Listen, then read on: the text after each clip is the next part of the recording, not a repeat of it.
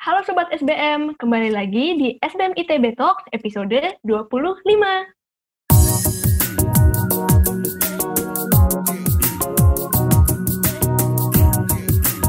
Aku Gabriela dari Kewirausahaan 2022 yang akan menjadi announcer untuk SBM ITB Talks kali ini. Hari ini kita akan membahas tentang topik yang menarik banget dan sering kali juga menjadi dilema buat mahasiswa, yaitu tentang keselarasan antara bidang studi atau pengetahuan dengan kehidupan profesional kita. Nah, untuk membahas topik tersebut, kita akan langsung berdiskusi dengan narasumber kita yang kece banget ini, namanya Kak Alifah Ratu, seorang beauty vlogger sekaligus mahasiswa di Master of Business Administration di SBM ITB ini. Halo Kak Ratu, apa kabar? Halo Gaby, Alhamdulillah baik. Kamu apa kabar? Aku juga baik Kak, semoga semuanya bisa baik di tengah pandemi COVID saat ini ya Kak. Dan semoga bisa cepat selesai juga ya, jadi bisa balik normal lagi kayak. Iya, yeah, amin.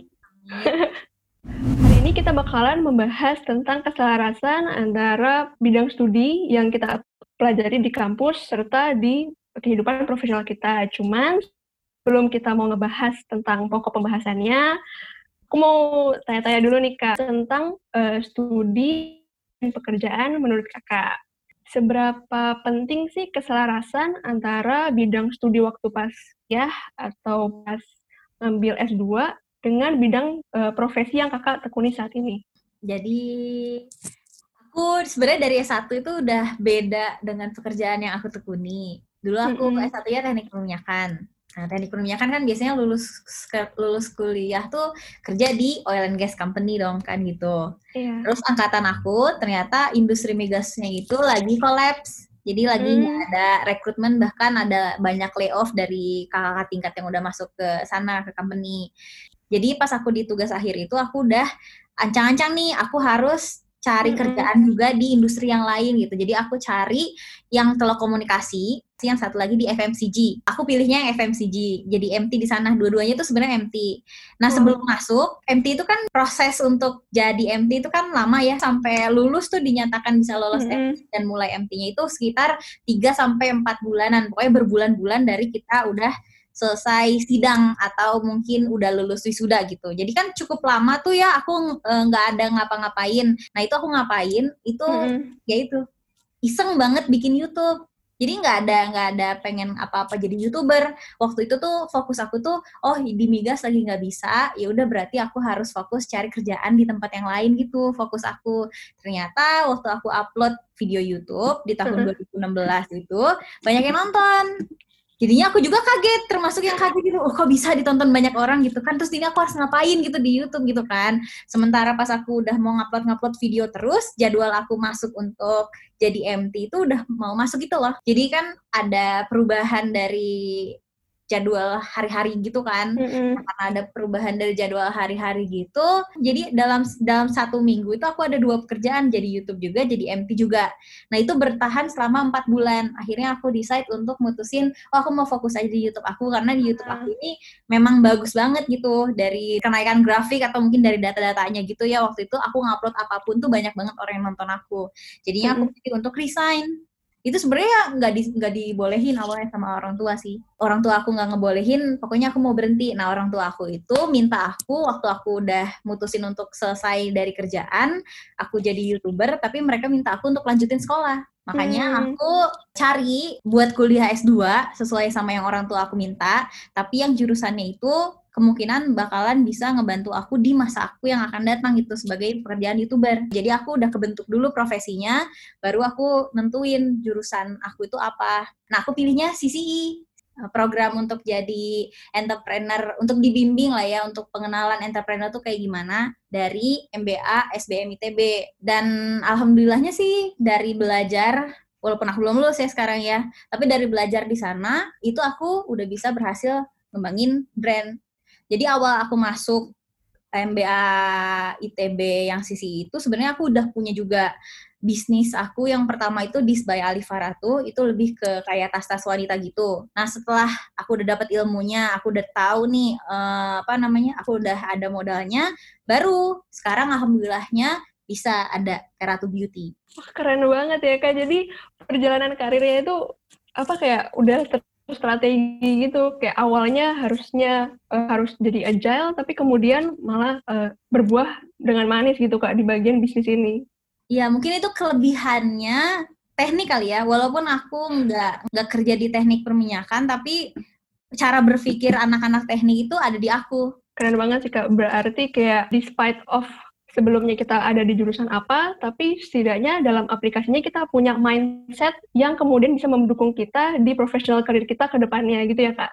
Mm-mm. Ya aku harus bikin gimana caranya aku bisa kerja jadi youtuber ini yang aku nggak ada bosnya kan kalau youtuber kan aku yeah. bos sendiri kan ini bisa bertahan sampai nanti aku tua karena kan aku udah nggak ada istilahnya nggak ada backup apa pun dong jadi mm-hmm. sesuatu yang aku ambil itu harus bisa bikin aku mendapatkan penghasilan sampai aku tua nanti. Menarik banget nih kak, kan kakak udah kayak mau masuk empat tahun gitu ya kak, berkecimpung di dunia tentang branding, ya? uh, youtuber, Instagram gitu-gitu. Boleh nggak sih kak kayak bagi-bagi tips gitu gimana cara kakak membranding diri kakak uh, di IG maupun di youtuber dan, dan sampai sekarang tuh angka subscriber kakak di YouTube tuh bahkan udah lebih dari satu juta gitu kak jadi gimana ya aku kan awalnya mulainya nggak sengaja nggak sengaja. Jadi aku nggak dari awal tuh nggak ada aku pengen bikin personality aku di media sosial tuh bakalan terbentuk kayak gimana tuh nggak ada. Nah waktu awal-awal bikin video YouTube tuh ternyata brandingan aku tuh udah terbentuk sendiri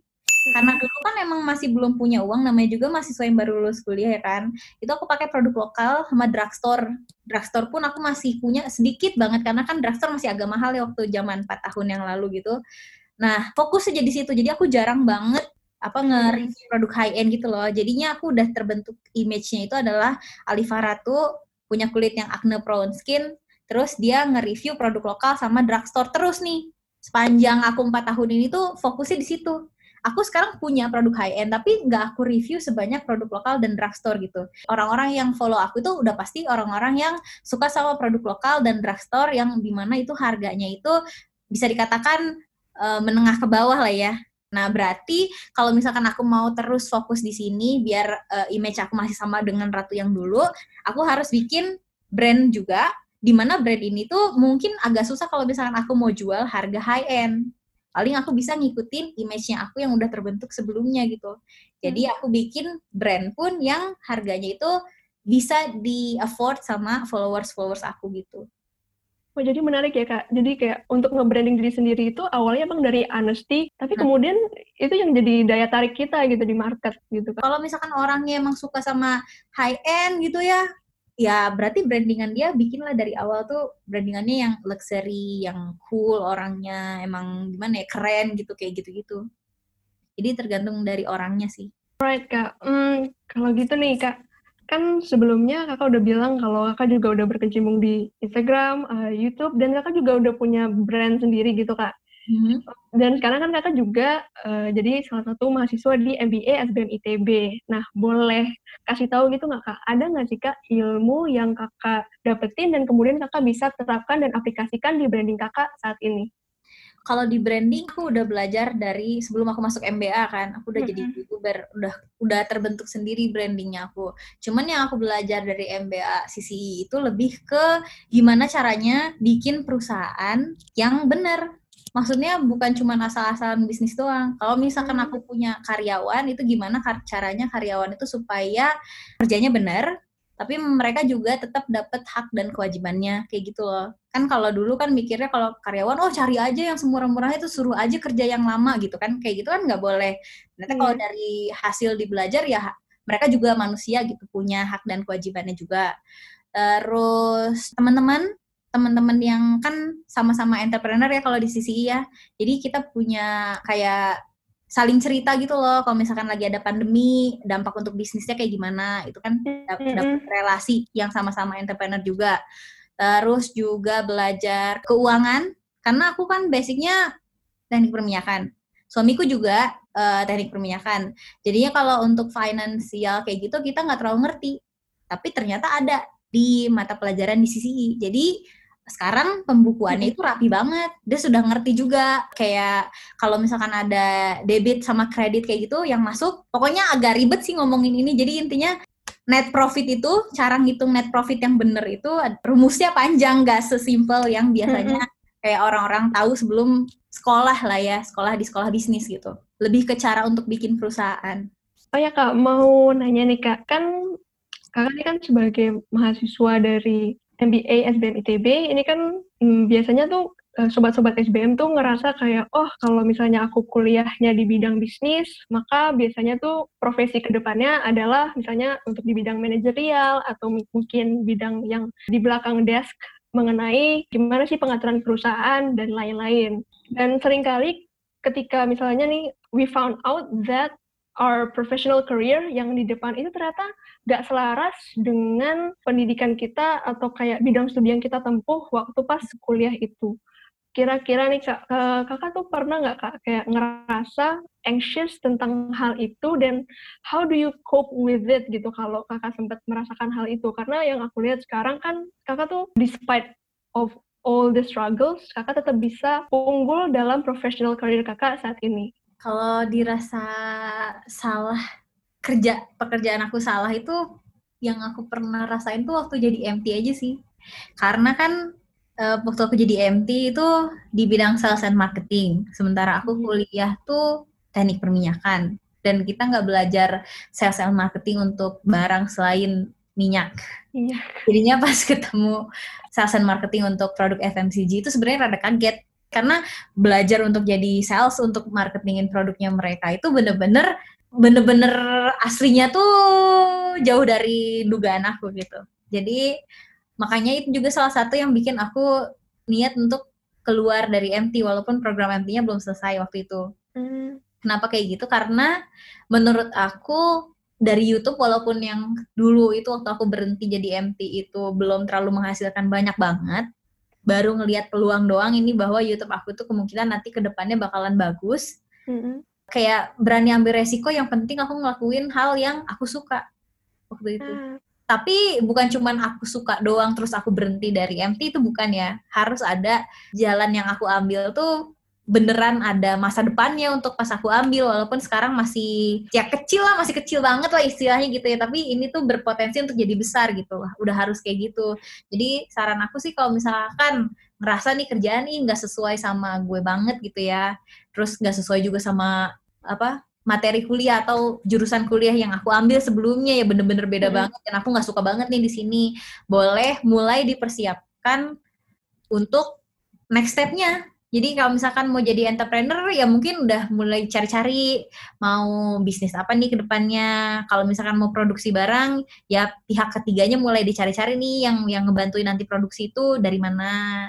Terus ya itu pas lagi masih kerja ya maksudnya ya pas masih kerja itu mulai-mulai mulai dibangun lah gitu. Jadi jangan kita langsung resign dari pekerjaan yang kita nggak suka, yang nggak sesuai sama kita, tapi masih dari nol banget pas kita udah berhenti itu. Jadi istilahnya itu memang harus susah-susah dulu ngerjain dua pekerjaan dalam satu waktu.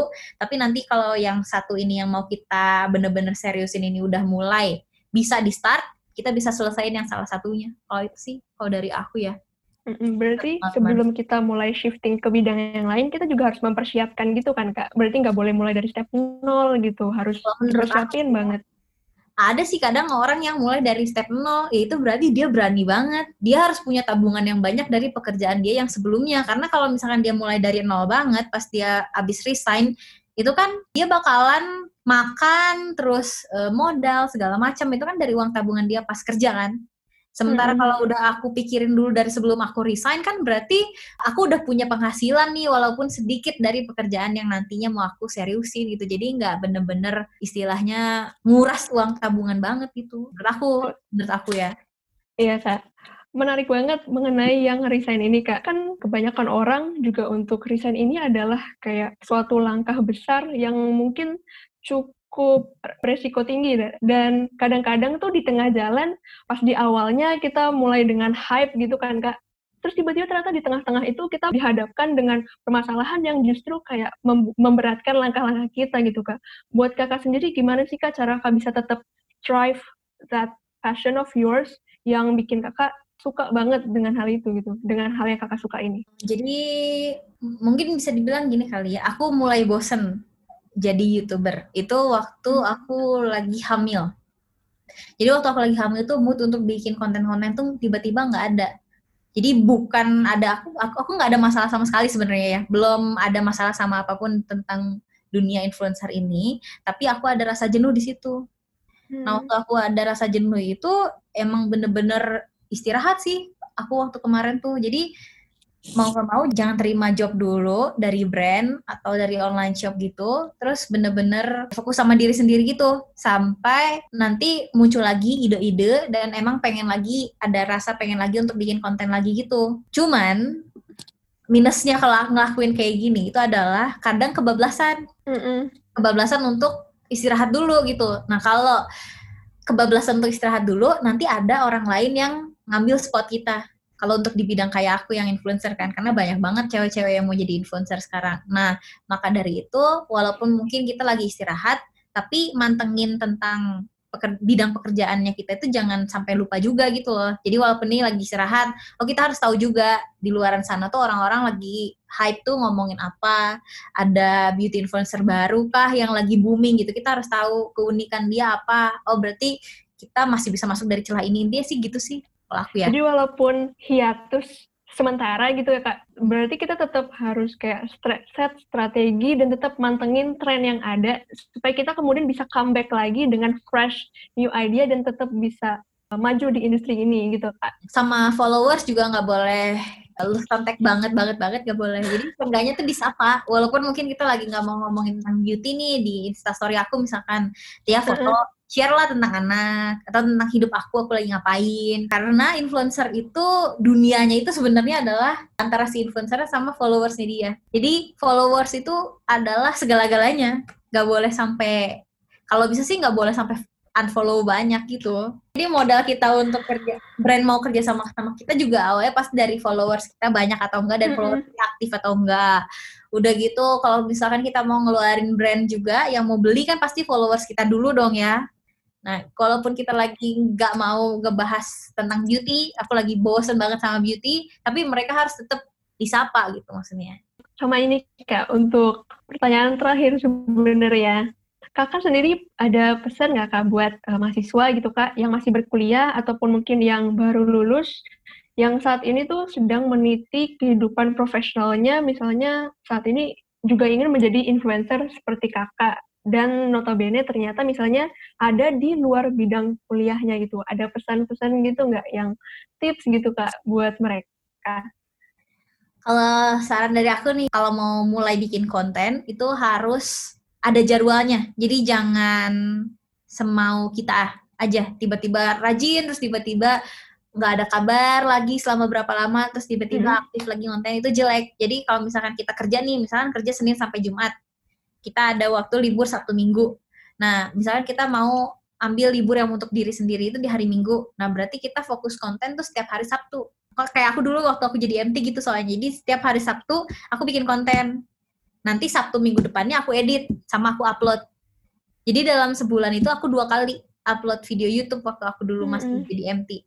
Nah, itu harus terus-terusan sesuai jadwal gitu biar si followersnya atau subscriber itu tahu oh karena tuh tiap dua minggu sekali tuh ada video baru jadi pasti mereka bakal nonton jangan sampai kayak aktif terus tiba-tiba hilang gitu yang tadi aku bilang karena kalau tiba-tiba hilang kayak gitu followersnya nggak akan tahu sebenarnya tuh kita tuh ada atau enggak dan kapan lagi bakalan keluarin konten yang baru gitu loh nggak ada sesuatu yang mereka tuh mm -hmm.